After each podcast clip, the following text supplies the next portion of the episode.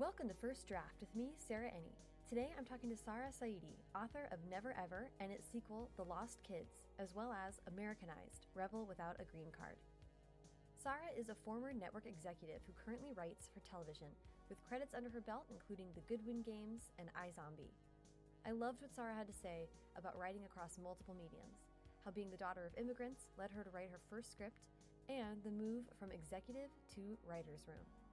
So sit back, relax, and enjoy the conversation. Sarah. Yes. you got it right. It's so nice to meet you. Very nice to meet you too. Thank like- you for having me. Oh, I'm so excited to have you. And as you know, uh, since you've listened, I love to start all these interviews by going way back, which is where were you born and raised? Uh, so I was born in Tehran, Iran, and then my family moved to the Bay Area when I was two years old. So I was raised in San Jose, California. Oh, uh, that's where I went to high school. What? What school Yeah, did you go I to? went to Leland High School. I was in South Bay. Oh my gosh, that's so funny. I went to Lynbrook High School. That's hilarious. Yeah, and my brother went to Leigh, which I feel like is close to Leland. Yeah. That's, Small world. That's hilarious. Oh my God. Yeah, I saw that, that you moved to the Bay Area and I was like, it is kind of a small yeah, neighborhood San up there. Jose, Silicon Valley. So I want to save. I have obviously a zillion questions about uh, the whole your growing up story, but we're gonna get to that Okay, when we talk about your memoir. So for now, I'd love to just hear a little bit about growing up for you. How was reading and writing a part of your young life? It was always a part of my life, even before I knew how to write. Um, I remember actually when I was really little, like three or four years old, I had a little notebook that I had, like, I, I didn't know, I, I would just draw little loops because that's what I thought cursive looked like. And it was the same story that um, I would tell everybody when they came over to our house. I'd be like, I have to redo this book that I've written. And I remember it still. It was, it was classic boy meets girl. It was, uh, guy and a girl are dating and then he accidentally kills her cat while he's hunting and so she breaks up with him and then on her birthday he buys her a new cat and they get back together so it's like perfect three act structure boy meets girl boy loses girl boy gets girl back That's hilarious. um, and yeah, so I feel like I was always really interested in telling stories, and I was always an avid reader growing up. Um, and then around the time I was nine years old, I remember I used to say that I wanted to be a screenwriter, although I don't think I knew exactly what that even meant. So yeah, it was. I, I just didn't really know how to pursue it as a career. And then um, I studied film and mass communications in college, and then actually ended up being an executive for a while, and then was always writing on the side. okay, well we're gonna break break that down. Don't want to get too far. well, first of all, uh, what is your first language? Farsi. Okay. Yeah. So, um, and I still speak it. I, it, I wish that I had spoken it more growing up because now I, I live uh, far away from my parents, so I don't really have anyone that I speak it to that regularly.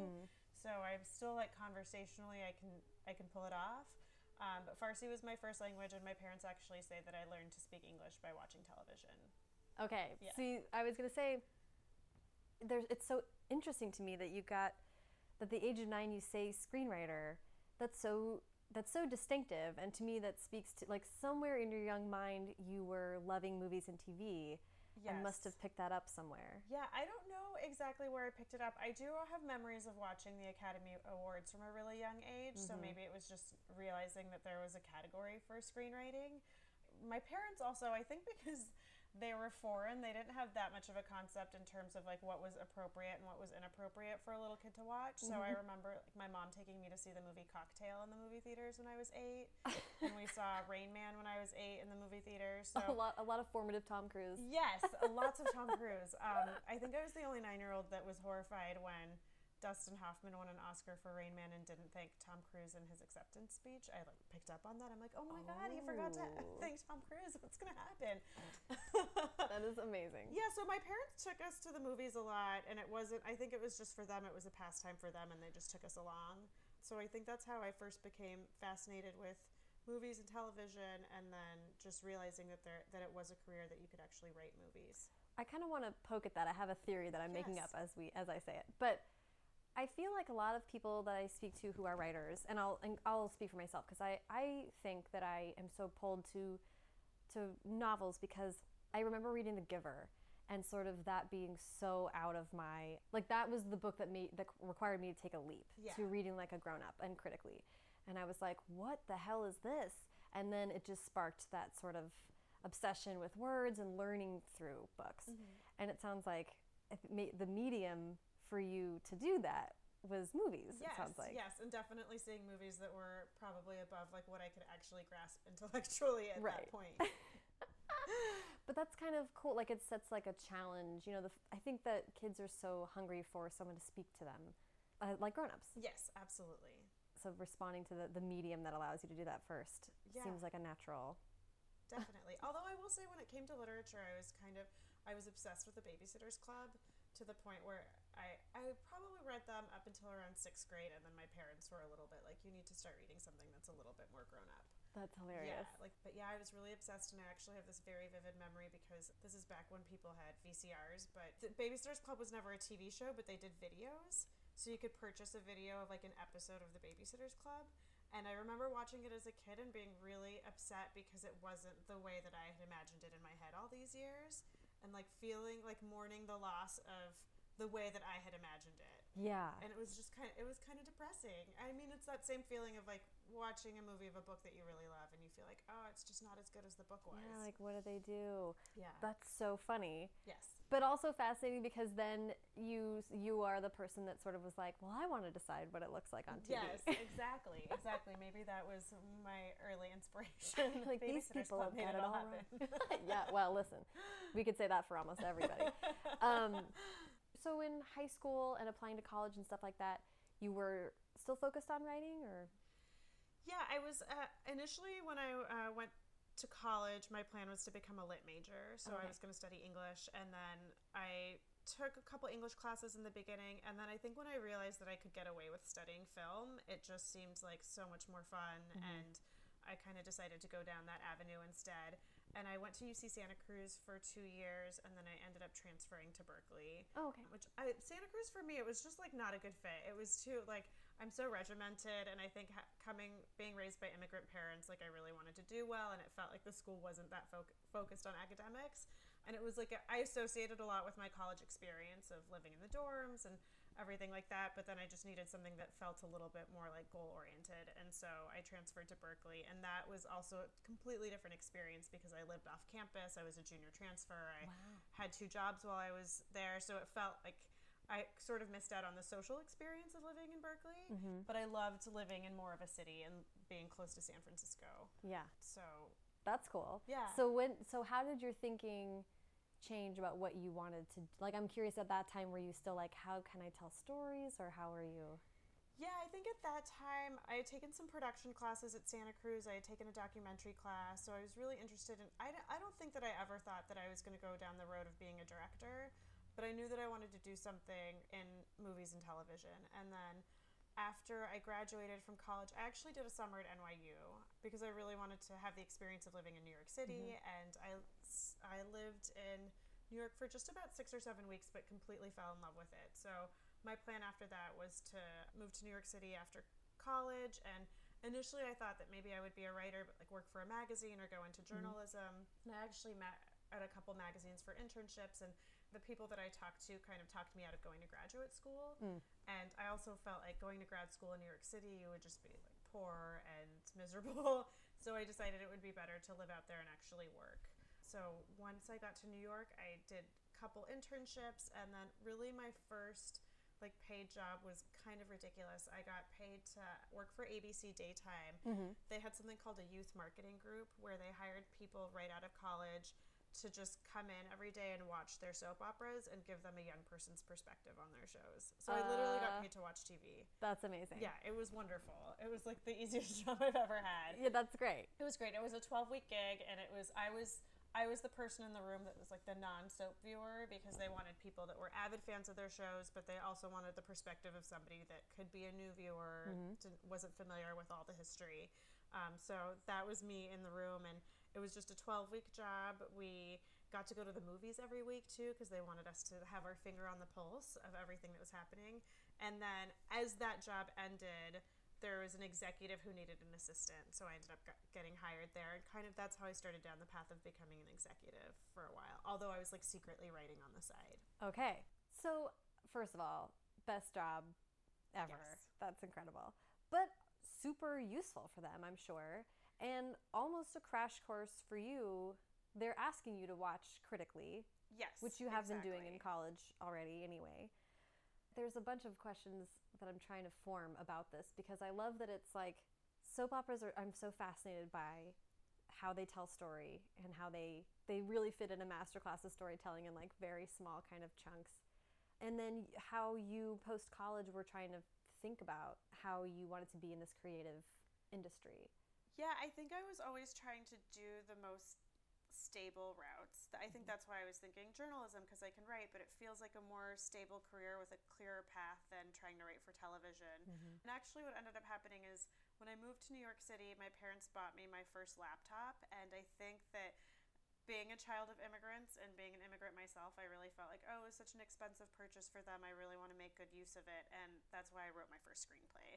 So I started just using it as, you know, I, I need to at least like, you know, make good on the fact that they bought this for me. So I started writing on this laptop a lot. Mm-hmm. And then at ABC, actually, it was really interesting because once I became an assistant there, what was wonderful about working there is that they didn't have many of the people that had been at ABC had been there for years and years and years. So they really valued the younger generation that was working for them and all of us who were assistants. They really tried to mentor us and groom us into becoming executives. And even though I wasn't really, I had grown up watching Days of Our Lives, but I wasn't like a diehard soap fan. It was mm-hmm. never something that I thought I was going to do as a career.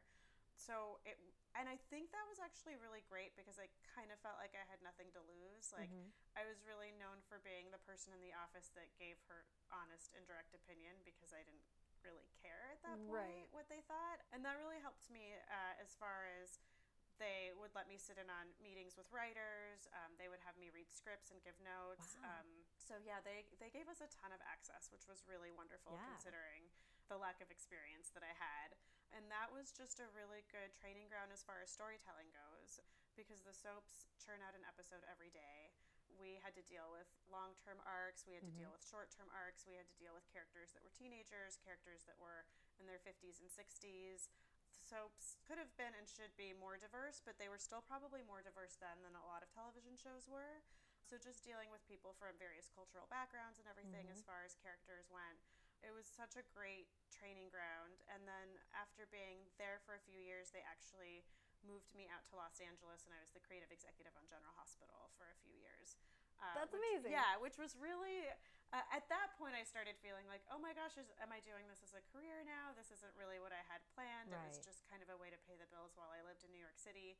But as somebody who wanted to be a writer, it was great. You know, I, I it was challenging because when you want to be a writer, it's really hard to be the person that's giving writers notes. Yeah. And kind of as a network exec, you are a thorn in their side, which was Mm-hmm. really hard, but wonderful. And that I got to have a front row seat to watch what the writers did and Mm-hmm. to watch how they operated. And because soaps are, you know, like I said, it's just it's an episode every day. So there's no hiatus, there's no breaks, there's no reruns.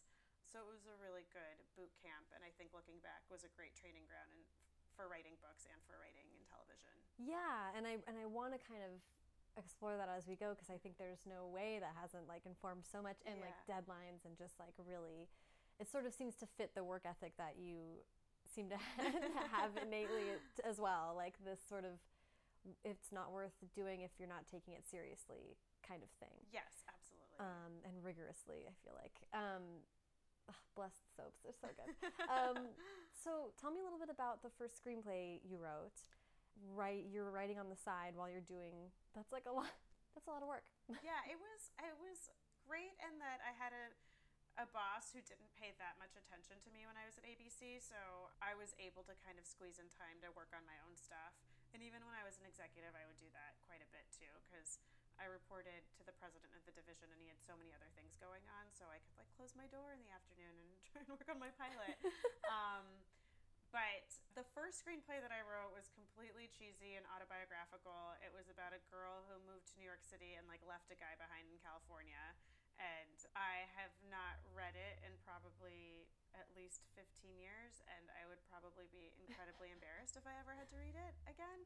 I remember actually one of my friends in New York City who had written screenplays read it for me to give me notes, and she was like one of the first people that was giving me feedback.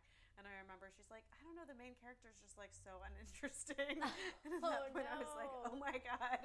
Um, so, but I think everybody's like first script is just sort of it's like a practice script. It almost doesn't actually count. Yeah. And then after that, I feel like I started honing my voice a little bit more. And I had written a short story that I developed into a script, and that was a little bit more like satirical in tone. And it felt like mm-hmm. it, w- it wasn't autobiographical, but it kind of it took place at a college that was very similar to UC Santa Cruz. So it mm-hmm. had there were certain experiences in the script that I had lived, but it wasn't my story at all. Yeah. So I feel like once I got that first crappy screenplay out of the way, I started to really like improve and it was more just it's just you keep writing and you keep hopefully getting better, I think is a big part of it. And and you're saying screenplay, but are these pilots or are they feature? These were features. Okay. Yeah. At first I started out just doing features because I think quite honestly I didn't realize at the time that features were a lot more challenging to break into than TV and that just financially it's much nicer to have the stability of writing in television. I don't think I really knew the difference. I think to me it was just, oh, I'll write a feature because it also has a beginning and an end versus a pilot is sort of a jumping off point to a series. Um, so yeah, I was initially just doing features and then um, now I haven't, it's been probably three years since I've written a feature because now I kind of feel like, I hate to say it, but it feels a, like a waste of time to write a feature on spec because they're so much harder to sell. Super hard to sell, and yeah, spec. You're not getting paid an inch. Yeah, exactly. Um, but I'm also interested in the kinds of stories that you're interested in telling.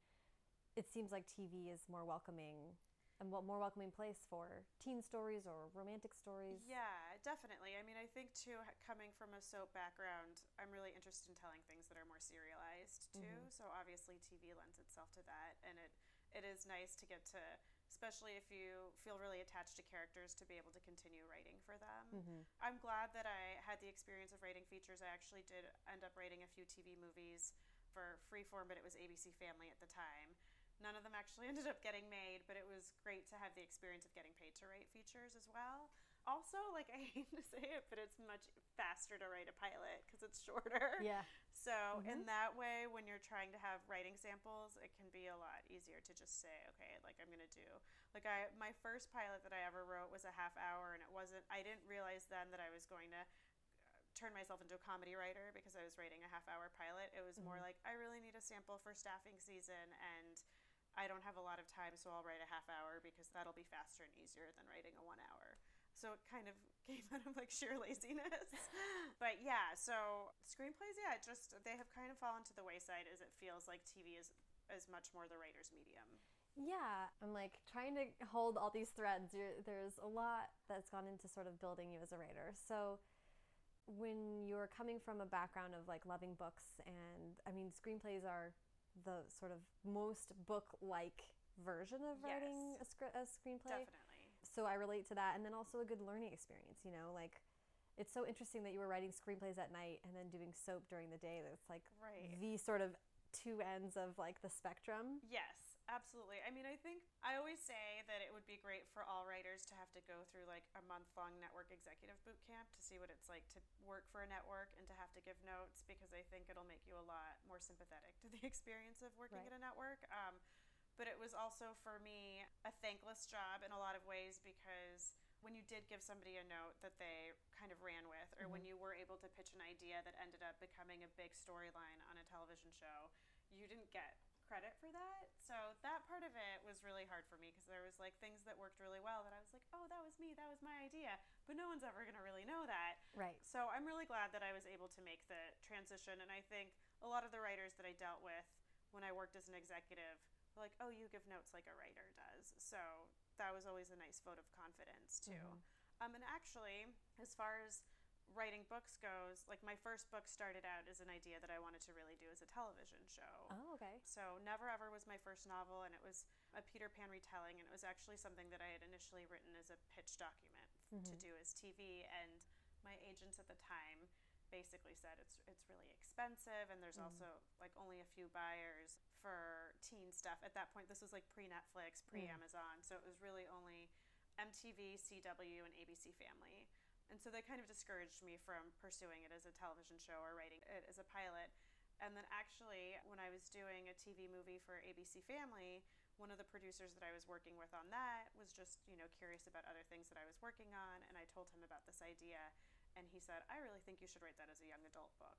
And so that was kind of what started my foray into writing books. And so that's awesome. You, it just sort of what I'm seeing is that you just like worked really hard and were writing a lot of things. You have a lot of ideas. It sounds like. Yeah, I mean, a lot of it was ideas, and a lot of it too was just. I say this to a lot of like aspiring writers is to just cast as wide of a net as possible. Like if mm-hmm. you wanted, if what you really want to do is write, then the medium doesn't matter as much. And for me, it just felt like I just need to make a consistent living, but also just I wanted to be constantly working on something. The book thing also really helped because it happened during a period of time where I didn't get staffed on a television show, and so I just felt like, well, I can't just sit here and be unemployed. Like if there, I need to have some goal that I'm working towards, and that's when I wrote Never Ever. Yeah, and the, and I love that that's your advice because I think that um, I've spoken to a few women recently who write for TV and movies and and now books as well, and I I just so admire the bravery and the like.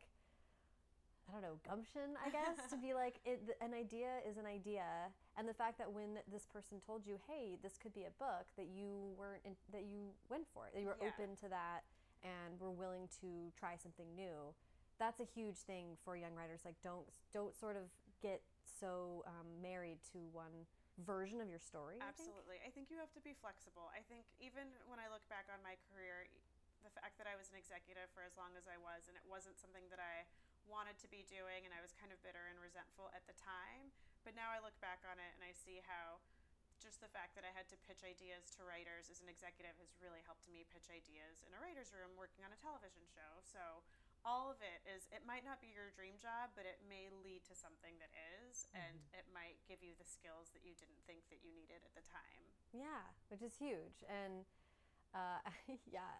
So so tell me a just because um, I haven't gotten to talk to too many people who have had your career path. yeah Tell me about that transition from executive to writer.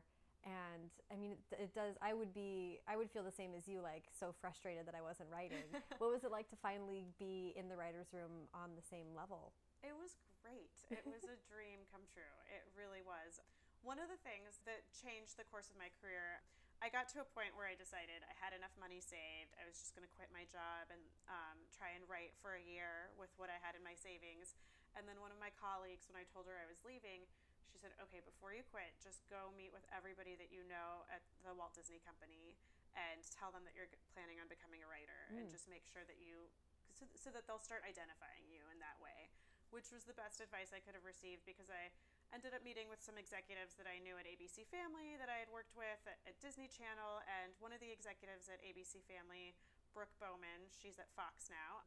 But I met with her and she was like, Well, I'd love to read something of yours. And so I gave her one of my features and they actually ended up buying it.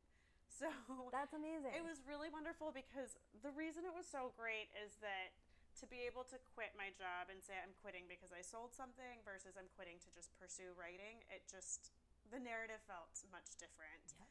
And it also like selfishly felt really good to tell that to the person who was writing General Hospital at the time. Like it just felt like I'm not just one of these people that's been saying I want to be a writer but not doing anything about it. So I was very lucky and I like I said, the idea of being in a job that's not necessarily your dream job but it can lead to bigger things. I mean, that was very much true for me and that the contacts that I made working at daytime, like I was able to sell my first script to contacts that I had made through that job. Yeah, and I would just push back against even saying lucky. Like it isn't lucky, you know. I mean, we do a lot of um, Kirsten, whose house this is, and I t- um, moved to LA around the same time, and really have been like working together, and we're both starting to write scripts and just thinking about that or how that would feel and it's like oh well we do have the benefit of having written books like that not Yes. that isn't a non-factor Not so at it's all. it's nice to look at the world of writing and just be like being in one avenue or the other it doesn't mean you have to start all the way over again at one if you make a transition Exactly. which ties into our advice about don't be too married to one thing be open i think it's uh, it's it's there's a lot of opportunities out there for people who are ready to say yes and to reimagine their work in these other ways and to you know you have supportive people around you like, yeah. don't be afraid to reach out to them and Yeah, I think uh, I'm always really grateful too that we live in the time of email because I feel like if I had to call people on the phone. like I have so much anxiety calling people on the phone now because I'm so used to texting and emailing. Mm-hmm. But it's really like a very safe way to get in touch with somebody. You're not necessarily interrupting their day. You're Yeah. not catching them off guard. They Right. can respond to you after they've had time to think about what you're asking. Totally. So I always feel like there's no harm in emailing. Like the worst that can happen is somebody might be a little irritated and won't write you back. Yeah. You get ghosted. Who cares? Yes, exactly, exactly. So it's really it, we're we are lucky in that we live in a time where networking I think is a lot easier for us now than it was maybe 25 years ago. I think that's so true. And I, w- I can't tell you, within the last month, I heard about two or three people getting job offers over text. That's amazing. And it was like, what a world. yeah. Um, that is amazing. Okay, so I want to talk a little bit about what you were able to work on when you transitioned to being a writer. And then I want to talk about Never Ever, but sort of, I'd love to just hear what you're able to work on and how that might have, and how you are applying that to, to book writing and to all of your writing. Sure. So I ended up doing more projects for ABC Family, which was great. I did a couple like open writing assignments, um, scripts that they were looking for writers to do. I actually wrote the sequel to She's All That. What? All That Too. Oh my God. Um, which never saw the light of day, unfortunately, but it was a lot of fun to work on. And you were following up M. Night Shyamalan, which Yeah. we now, all we, we know now. I that know, he wrote right? that, I know. I wrote the sequel, and I tell people, I'm like, you know, it's one of those rare sequels that was better than the first one. but it, I it was would a love to see musical. that. It was Oh at a performing God. arts school. Um, that was a lot of fun. I mean, it was a great experience, and it was just getting to work with executives and getting notes after being the person that was giving them for so long was Mm-hmm. really great. And again, it was another thing where I was like, okay, having been on the other side of it, I feel like I'm pretty receptive when it comes to having to apply notes and Mm-hmm. you know satisfying other people other than myself. And then it was through that, through She's All That Too, is actually where I met the producer Tom Jacobson, and he was the person that suggested I write Never Ever as a young adult book. So I was doing like TV movies, and then my first staffing job was on a comedy called The Goodwin Games, and it was on Fox. It was really short lived, but it was the same people who did How I Met Your Mother, which was a show I was a huge fan of. So getting to work with Chris Harris and Carter Bays and Craig Thomas was like a dream come true. And I always say it was like the best first job to have because everybody that worked in the room was extremely supportive and they all had a breadth of experience. So just the exposure was wonderful. And then we got canceled before the show aired halfway through the season. So they literally like they pulled the plug on us. Um, uh, the saddest part of the story it was we stopped filming after episode seven, and I'd written episode eight. Oh, so yeah, it was so painful. Oh. Um, so my episode never went into production, and I just remember we were punching up my episode because we'd had the table read for it, and our bosses got called off to a meeting with the studio, and then when they came back, they're like, "So tomorrow's everyone's last day." oh. I feel silly about this now, but it, I burst into tears because I was just so sad because I loved working there so much. It wasn't. It had nothing to do with my episode. It was just the idea that I wasn't going to get to go to work on Monday and be with all those people. Yeah. Made me so sad. But it was great, like staff writer boot camp, because Yeah. I got to be on a new show. I got to have the experience of pitching ideas. Some other people didn't even get an opportunity to do a table read for their episode. So just the fact that I got to go through all of that and then also be there sadly for when a show ended and to see what that was like. So let's. I'm like, there's so many things you worked on that I could. well, we do need to. You have an Emmy. I do. It's just kind of random, and I'm trying not to. use- You're right. I shouldn't use the word lucky, but it really did feel a bit lucky. Um, after I left ABC, they were nice enough to hire me to write a web series for them, and it was the first time they had done anything like this. And it was taking characters from all of our soaps and having them stuck somewhere together. So it was two characters in each one, and they were either stuck together on an elevator or in an airplane. So it was just fun for the fans to get to see people that don't normally cross paths from different shows, like interact with each other. And I think we did about 10 of them. And then that exact same year, the Daytime Emmys created a new category called Outstanding New Approaches to Daytime Television. And it was basically anything that was done for the web. So that's why I feel like, in some ways, it was very fortuitous that I wrote this web series, and that same year they created this category, and we ended up winning, which was a huge surprise.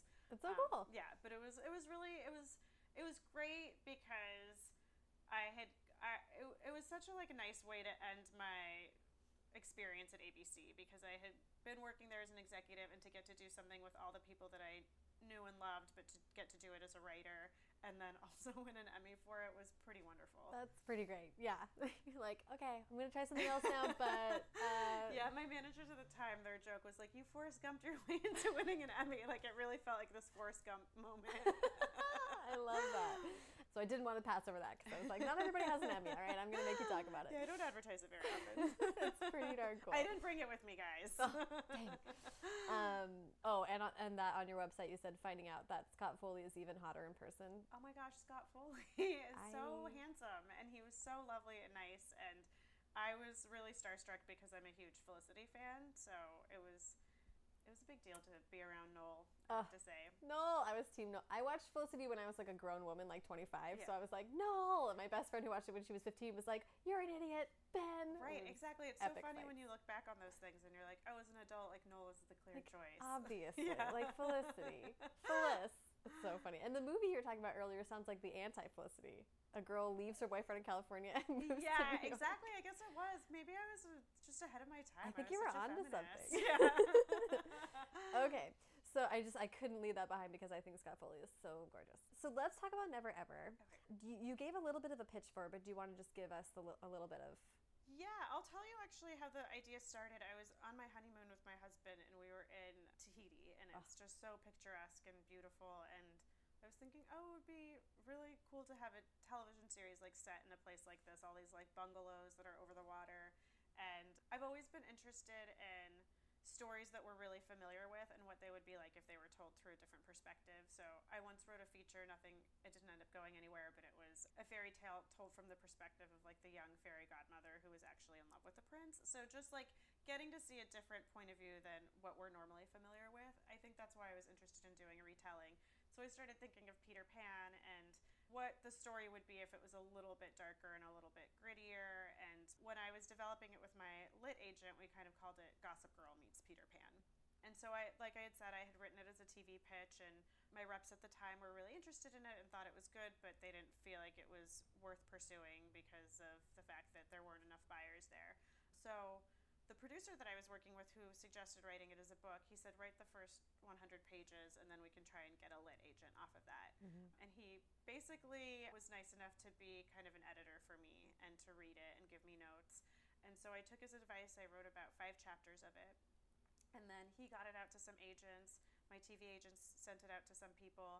And then I found a wonderful agent named Jess Regel at Foundry. And um, she really liked it, and her her advice to me, which is like the last thing you want to hear as a writer, is I think you should write the entire book before we take it out. Right. But it was definitely the right advice. I mean, her feeling was you've never written a book before. You just need to prove to people that you are capable of writing an entire book. Right. And then also she just felt like there was more places that she could take it to as a full mm-hmm. manuscript. At that point, it was like I've already written 100 pages. What's another 200?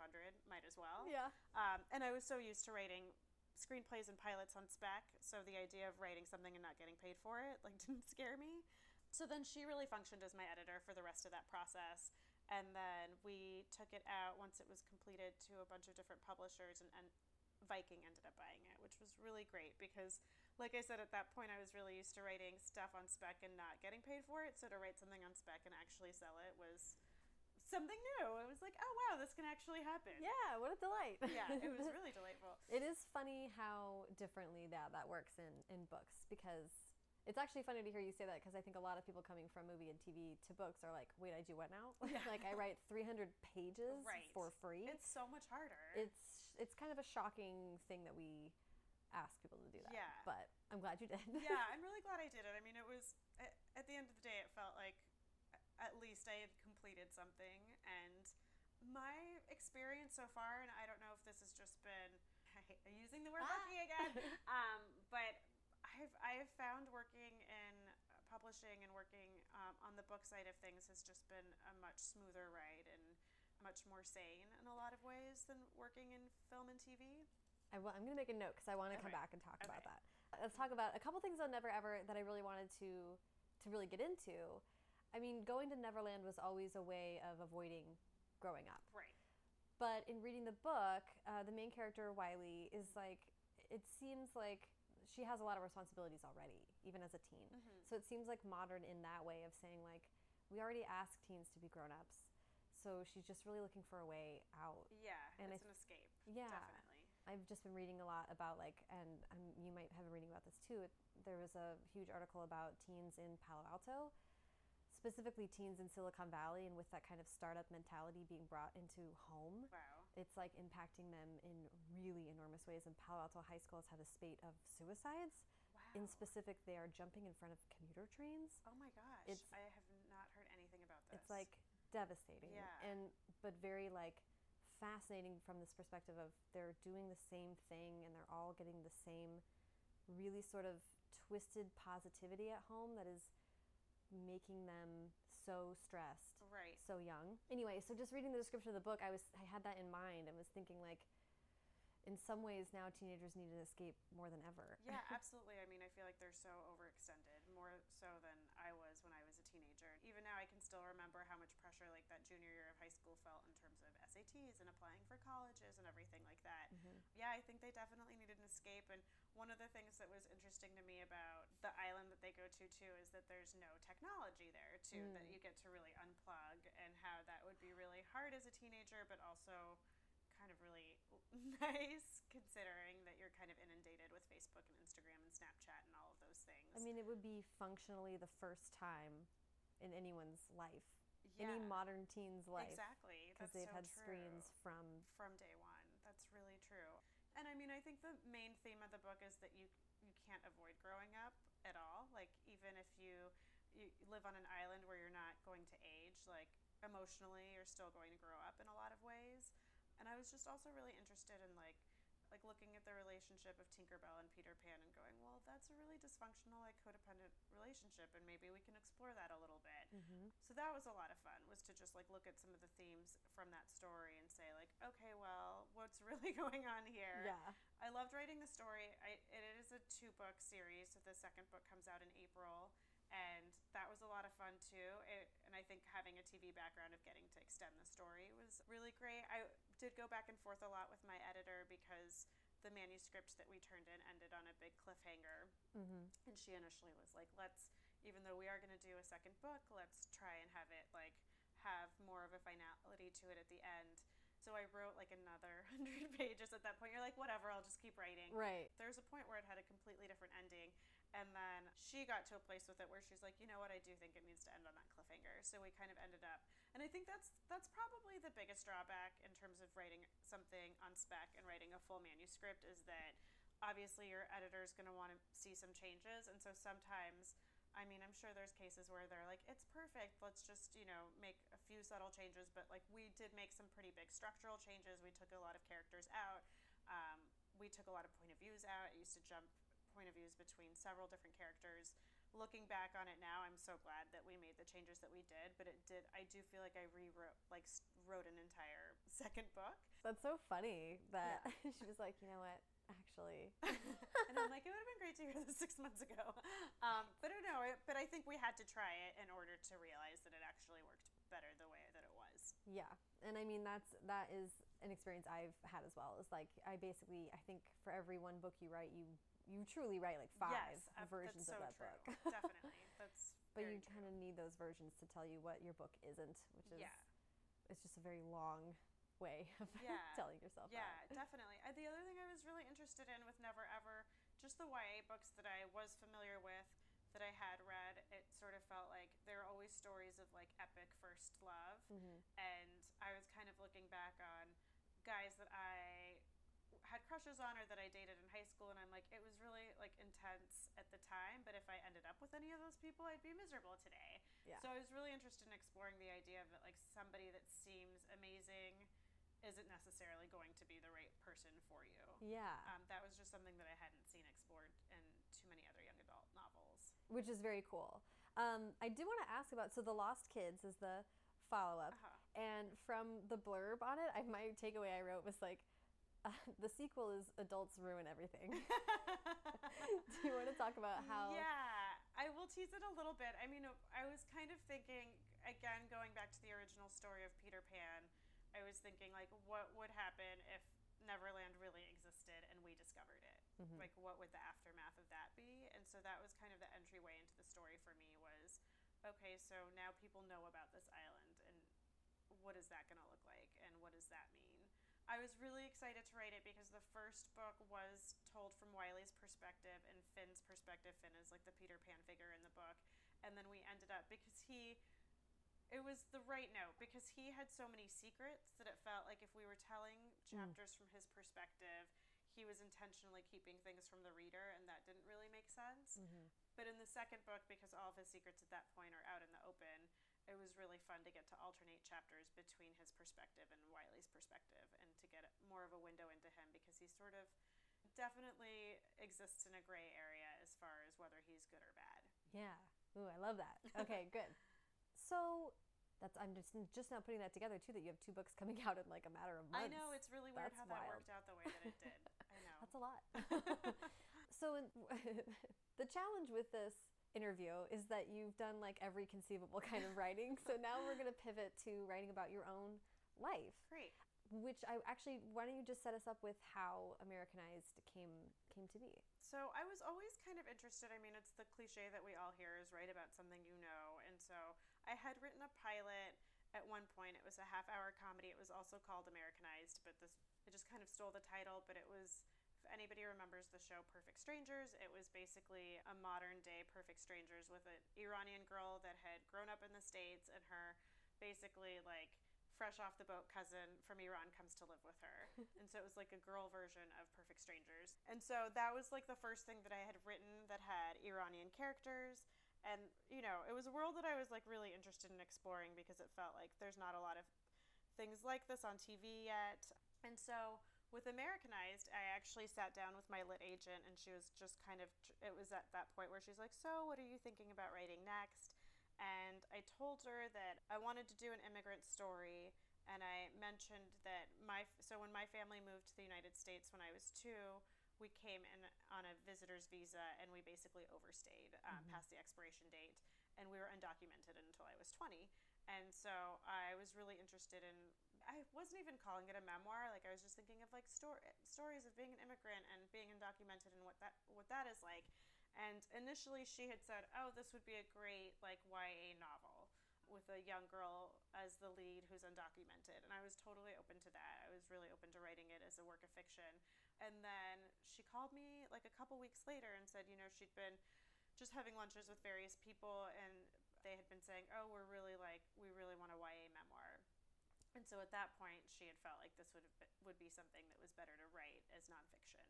And so, and it's funny too because a lot of the people that ended up passing on the proposal were people that were like, "We don't want a YA memoir." I'm like, I thought everybody wanted a YA yeah. memoir. Wait, what? Didn't you get the yeah. memo? We yeah. all want this now. Yeah, exactly. So it's funny. funny. how that happens. But it was interesting too because I remember telling my TV agents about um, wanting to write this book, and they were sort of a little bit hesitant at first because they were like, "Oh, there's a lot of as far as like writing something that you might then develop as a TV show."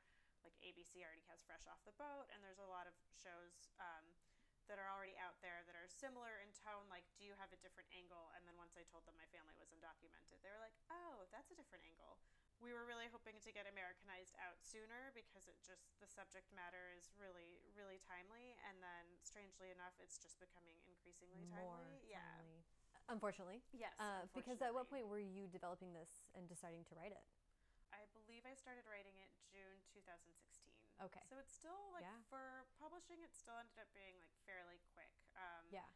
And I, it was really hard because I was pregnant at the time, and I was also writing on iZombie. So I was just, it, it was one of those Whoa. things where it was like, okay, like as a writer, sometimes you feel like you have to say yes to everything because it's feast or famine, and it was like, okay, now this is like now I've said yes to too many things.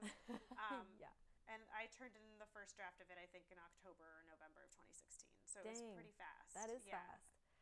While you were still pregnant, or when did you? I had my son in November 2016. Oh man. Yeah. So then we were doing. We were basically in. Like my editor had sent me her notes after he was born, so mm. I was like addressing her notes, and then we were in copy editing and everything like that. So at least the hard part on my end was over by then. But yeah, the process was really fast and that's wild. When and what was the writing season for iZombie? Was there any part of it where the book was your sole focus? There was no part of it that the book was my sole focus. I hate to say. The season for iZombie, I think we started at the um, end of May or early June, and we went until Uh, we went until the end of November, although I left two weeks early because I had my son. So he was actually, weirdly enough, he was due on the last day we were supposed to be in the writer's room. So That's so funny. so I was lucky to get like a nice hiatus to spend time with him. You know, it was poor planning on my part.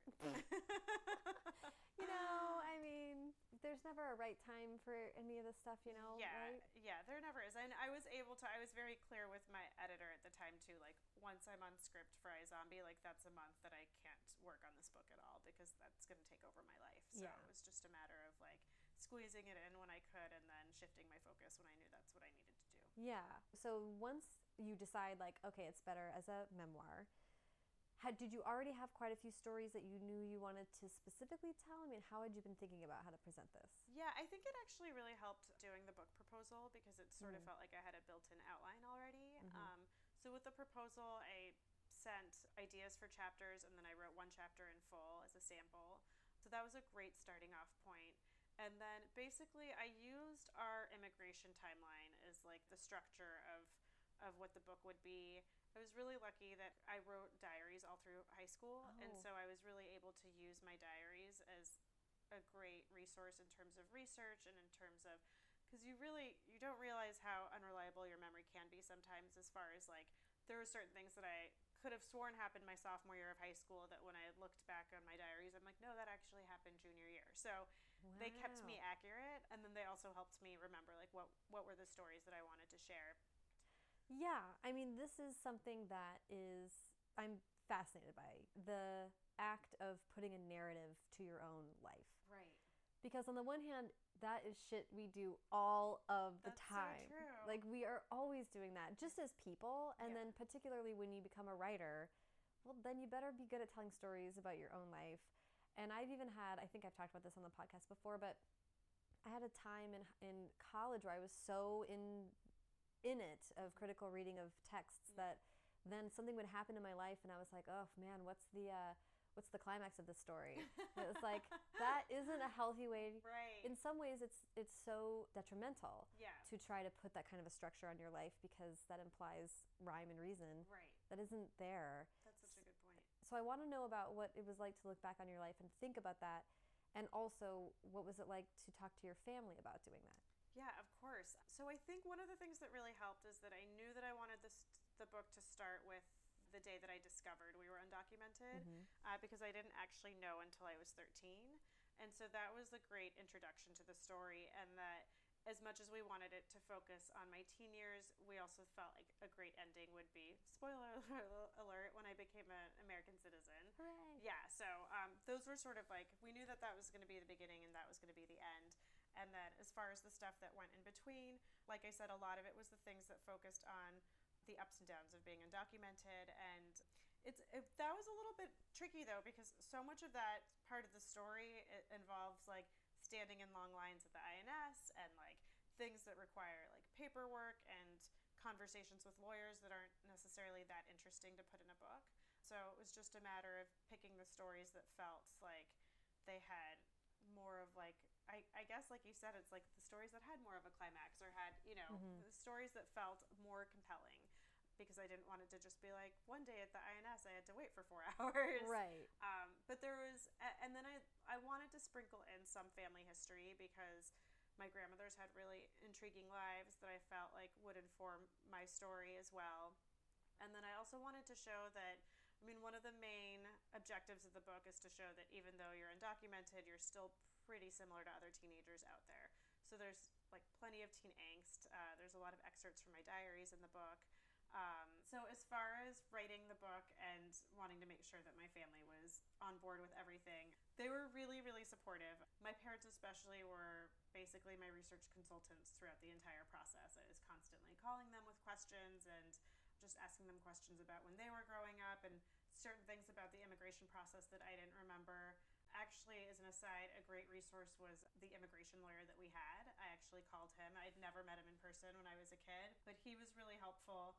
And so my plan was essentially to write it without being that worried about how my family would feel about it and then letting them read everything. Mhm. And then if there was anything that they really didn't want in the book or anything that they were upset by, that then I could consider taking it out or Mhm. changing it. And the, there was, I mean, I think I was pretty respectful throughout the process, and there was really nothing that they felt like needed to be changed. And then I do reference my aunts and uncles and my cousins quite a bit in the Mhm. book as well. And so I basically just sent them the pages that they were mentioned in and asked them if they had anything that they didn't want in the book. And everybody was really, I was actually surprised. I thought that there would be more people asking me to take certain things out, and everyone was pretty much on board with it. I find it hard to predict. Yeah. Going through this podcast and talking to people about what's in it and what's out of it after we have these lovely conversations, I am constantly surprised by the things that people are like, "Oh, can you please make sure to take this out?" And I'm like, Yeah. "That seems so benign to me, but it's very important to you Yeah. that it not be out in the world and it's like not my call to make, you know?" Yeah. But then but when you're writing your a memoir, it is your call to make. So Yeah. that's a challenging Yeah, I mean, I think it is and it isn't in some ways because there was a couple things that I put in the book, and as I was writing them, I was like, this doesn't really feel like it's my story. It feels like I'm telling somebody else's story right Mhm. now. Like I had a cousin, for instance, who I think when I was in my early 20s and he was in his early 30s, came out of the closet to our family, and that was just like really interesting to see the different reactions in terms of the older generation versus my generation, which like we were like, so like it's fine, and like my family was great. I mean, a few years ago we were all at his wedding, uh, but the more that I was writing about that, the more that I realized like this is his this he should be writing this in his memoir. Mhm. So I took a lot of that out, and then the other things were just yeah really small, kind of almost made me laugh. Like I share an anecdote about my uncle who in Iran when my mom was younger he found out that she was like flirting with some boys in the neighborhood and he confronted her and slapped her which which is hilarious now because he's like such a teddy bear and it's hard for me to imagine him doing anything like that. My other uncle who's featured prominently in the book when he read that he's like can you be specific that it wasn't me who did the slapping? Like that was the one that was the one thing he wanted me to change. So it was just like very small things like that my mom had described my grandfather as potentially being bipolar and when her siblings read that they were like we don't think he we think he had some sort of a mood disorder but we don't think it was bipolar Ah. disorder so i, I was like I'll t- that's fine i'll take it out Yeah. so yeah it was just like little details mostly Yeah. but yeah my parents were really wonderful my sister i think i was the most worried about because she also was undocumented like me she was only she's three years older so a lot of the stuff was stuff that she had also experienced so i did feel like i was it was both of our stories in a Mhm. lot of ways she was like really lovely in terms of her reaction to the book and really feeling like this was an she has two kids so just feeling like oh one day they're going to grow up and they're going to be able to read about our family um, so she was really supportive That's amazing, and I'm so happy because it's like a really important story to tell, even though it's very personal. Um, so the I, I love the um, Goodreads sort of like review for the book.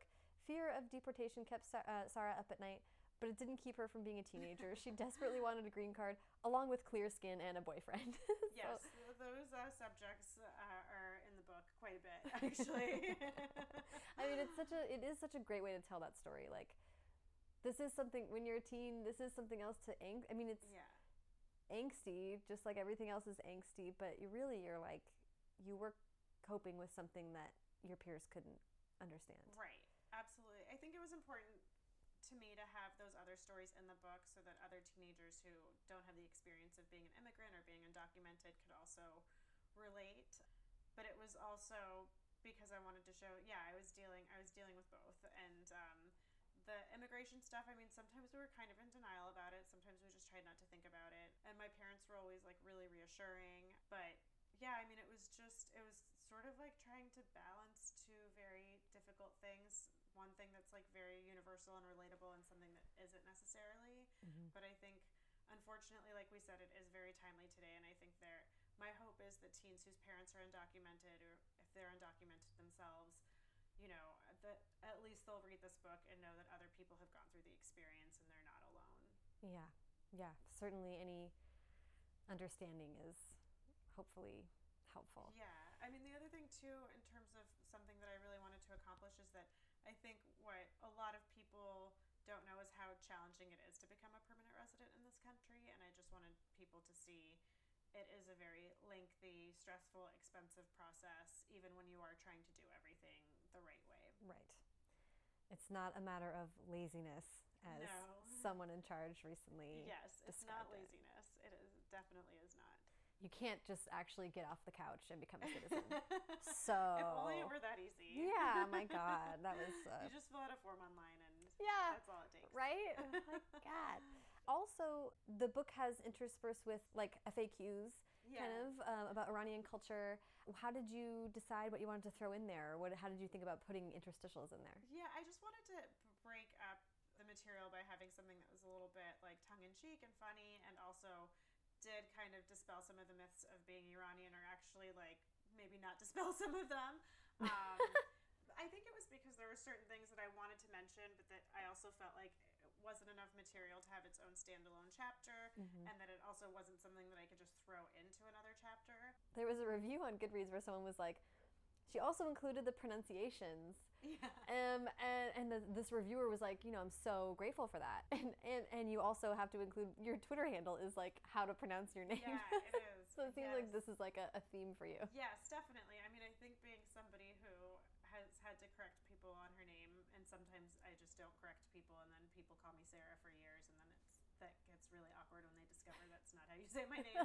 but yeah, it was really important to me because I still have this pet peeve when people say Iran instead of Iran, so Right. it was important to for me to include that in the book.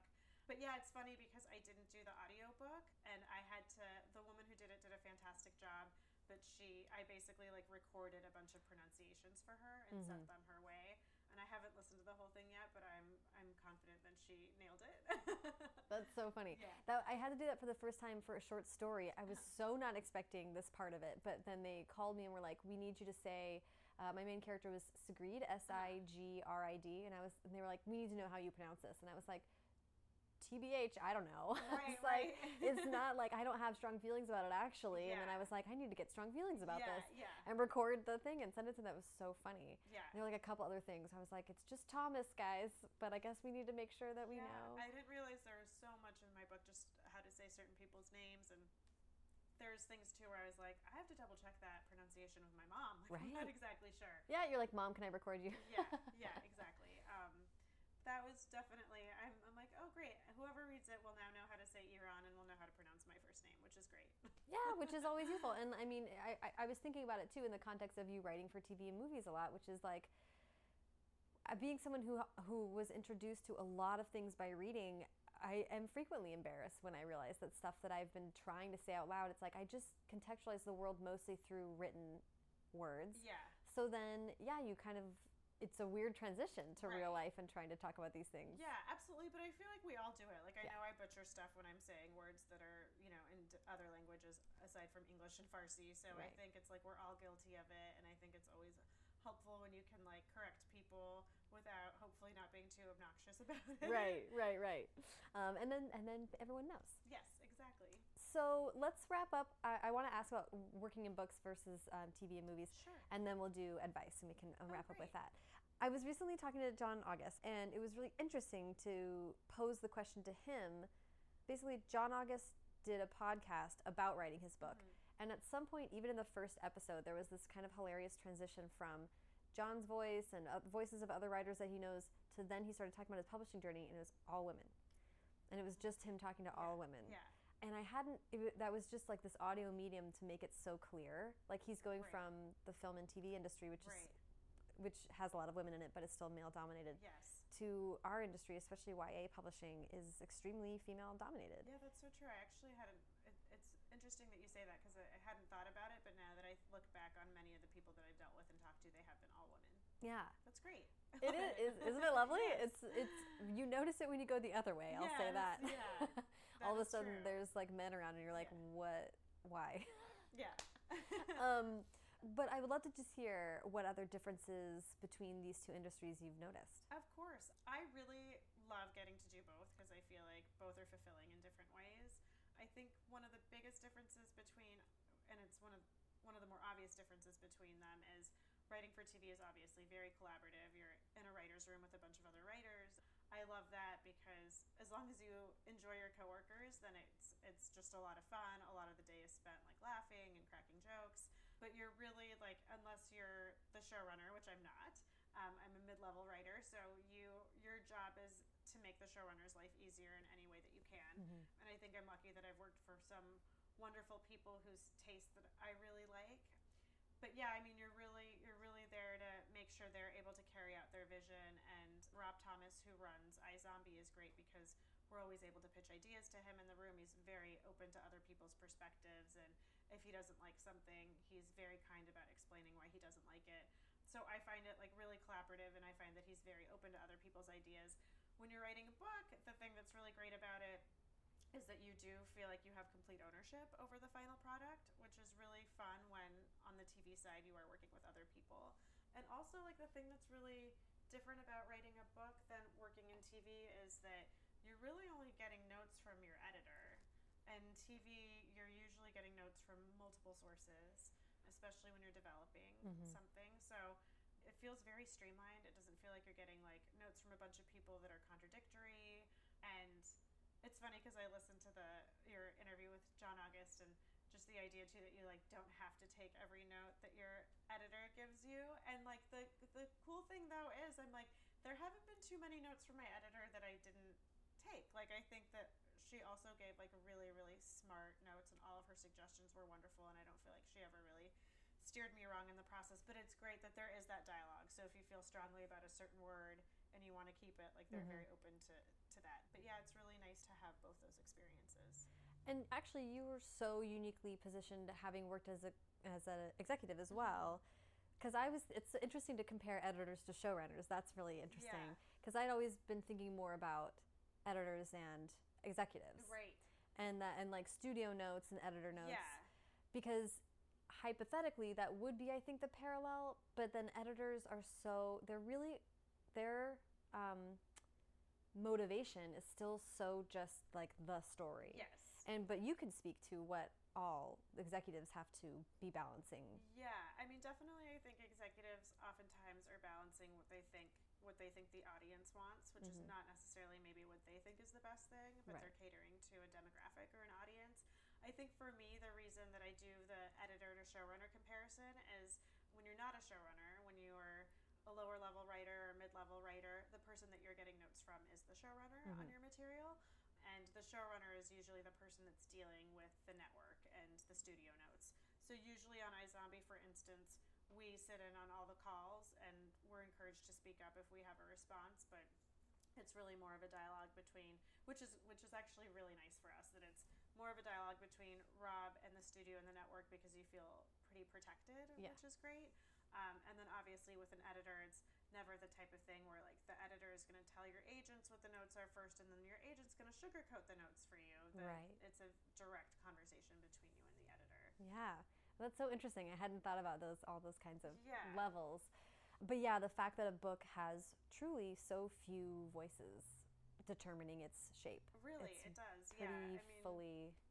But on the flip side too, on in TV, it is really fun to get to see something take shape that like a bunch of people have worked together uh, to bring to fruition. It's like a, you kind of feel like you're in the trenches together, which is really nice. Yeah, there must be some like really cool magic to that. Yeah, that- there is absolutely, and you get to also like learn from other people's pitches and ideas and other people's perspectives on where they're coming at a story because of like the experiences that they've had in their lives. Yeah. I'm really glad I've gotten to do both because I don't think I would want to just do one over the other. I think I'd always like to try and continue to do both. Yeah, that's so cool. Yeah. Okay, well, I could literally talk to you for seven more hours, but um, uh, you have a family and a life, so we'll, we'll wrap this up. Um, Thank and you I, so much. oh my gosh, uh, we do like to wrap up with advice. So I would genuinely love your advice for beginning novel writers or just writers like at any level. What kind of advice is forefront in your mind? Yeah, I think for beginning novel writers, I mean, the first thing I would say is be ready to write an entire book. That's be, really good advice. You know, be okay with that. And I know it's scary because it feels like a lot of work and you're not really sure whether it's going to end up anywhere. I think it is great that we live in a time where, you know, a lot of people have had success self publishing. So if it doesn't necessarily land somewhere, you know, it, it can make its way out into the world. My other piece of advice would be like if you start something, writing it in third person and then realize like 30 pages in you're not enjoying it, like don't be afraid to switch. don't be afraid to switch to first person and see if that works any better for you. That's so true. Yeah. Yeah. I mean, I definitely like Never Ever and The Lost Kids were both told in third person, and obviously, Americanized as a memoir, so it's told in my voice. It's told in first person, but I would love to be able to do a work of fiction in first person because I haven't done that yet. But yes, yeah, see see what where you feel most comfortable in terms of your voice. But I think my advice to all writers is if you write something and it doesn't sell or it doesn't end up anywhere, like I always say I give myself like 24 hours to feel really bad about it and to lick my wounds. And then the very next day I say, okay, like what's the next thing I'm going to work on? It's such a cliche, but keep writing because you never know. Like something that might not sell will get you a meeting. That meeting might get you a job. It'll open doors. And everybody that you meet with is going to want to know what's the, what's the next thing that you're working. Yeah, and like sunk cost is a fallacy. Yeah. You know, absolutely. at some point you have to trust that all your work has done something in your brain Right. that can't be taken away. Absolutely. And that even if it goes in a drawer, it's still paying dividends in that you are a better writer now. Yes. So true. Yeah.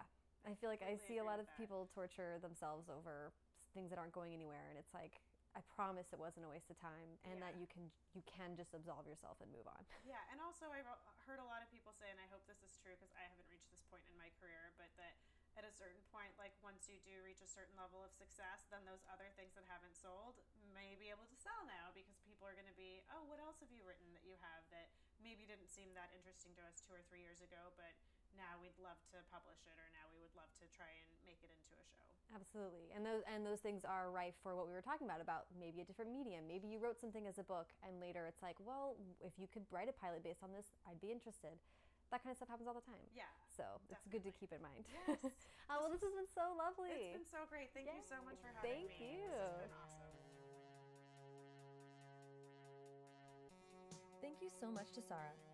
Follow her at Sarah Not Sarah on Twitter and Instagram, and follow me there at Sarah Enni and the show at First Draft Pod. You can also find the show on Facebook, but for links to everything Sara and I talked about today, a link to sign up to my newsletter, a searchable archive of all past episodes, and transcripts, be sure to head over to firstdraftpod.com.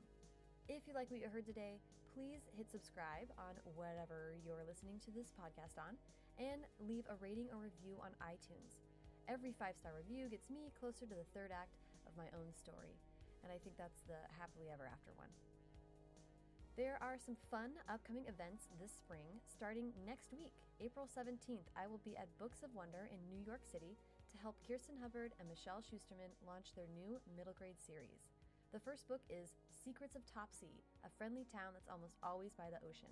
It's Wayside School meets Welcome to Night Vale, and it is the most delightful middle grade I've read in a long, long time. So please join us to celebrate and get a little weird. Spring also means tons and tons of book festivals. I will be at many of them, including moderating a panel on fantastical YA stories at the Los Angeles Times Festival of Books, April 22nd at 11 a.m. That panel includes Marie Lu, Sabaa Tahir, Dhonielle Clayton, and Tochi Onyebuchi. I'm so excited for that one. And if you guys are anywhere near Los Angeles, April 21st or 22nd that weekend, you should absolutely check out the LA Times Festival of Books. It's the biggest book event in the country. It's phenomenal. Don't miss it. I will also be at YALLWEST and BookCon and Book Expo America. More details about that to come. You can also always check the events page at firstdraftpod.com. Haley Hirschman produced this episode. The theme music is by Hash Brown, and the logo was designed by Colin Keith. Thanks to super intern Carter Elwood and transcriptionist at large Julie Anderson. And as ever, thanks to you, funniest people in the room, for listening.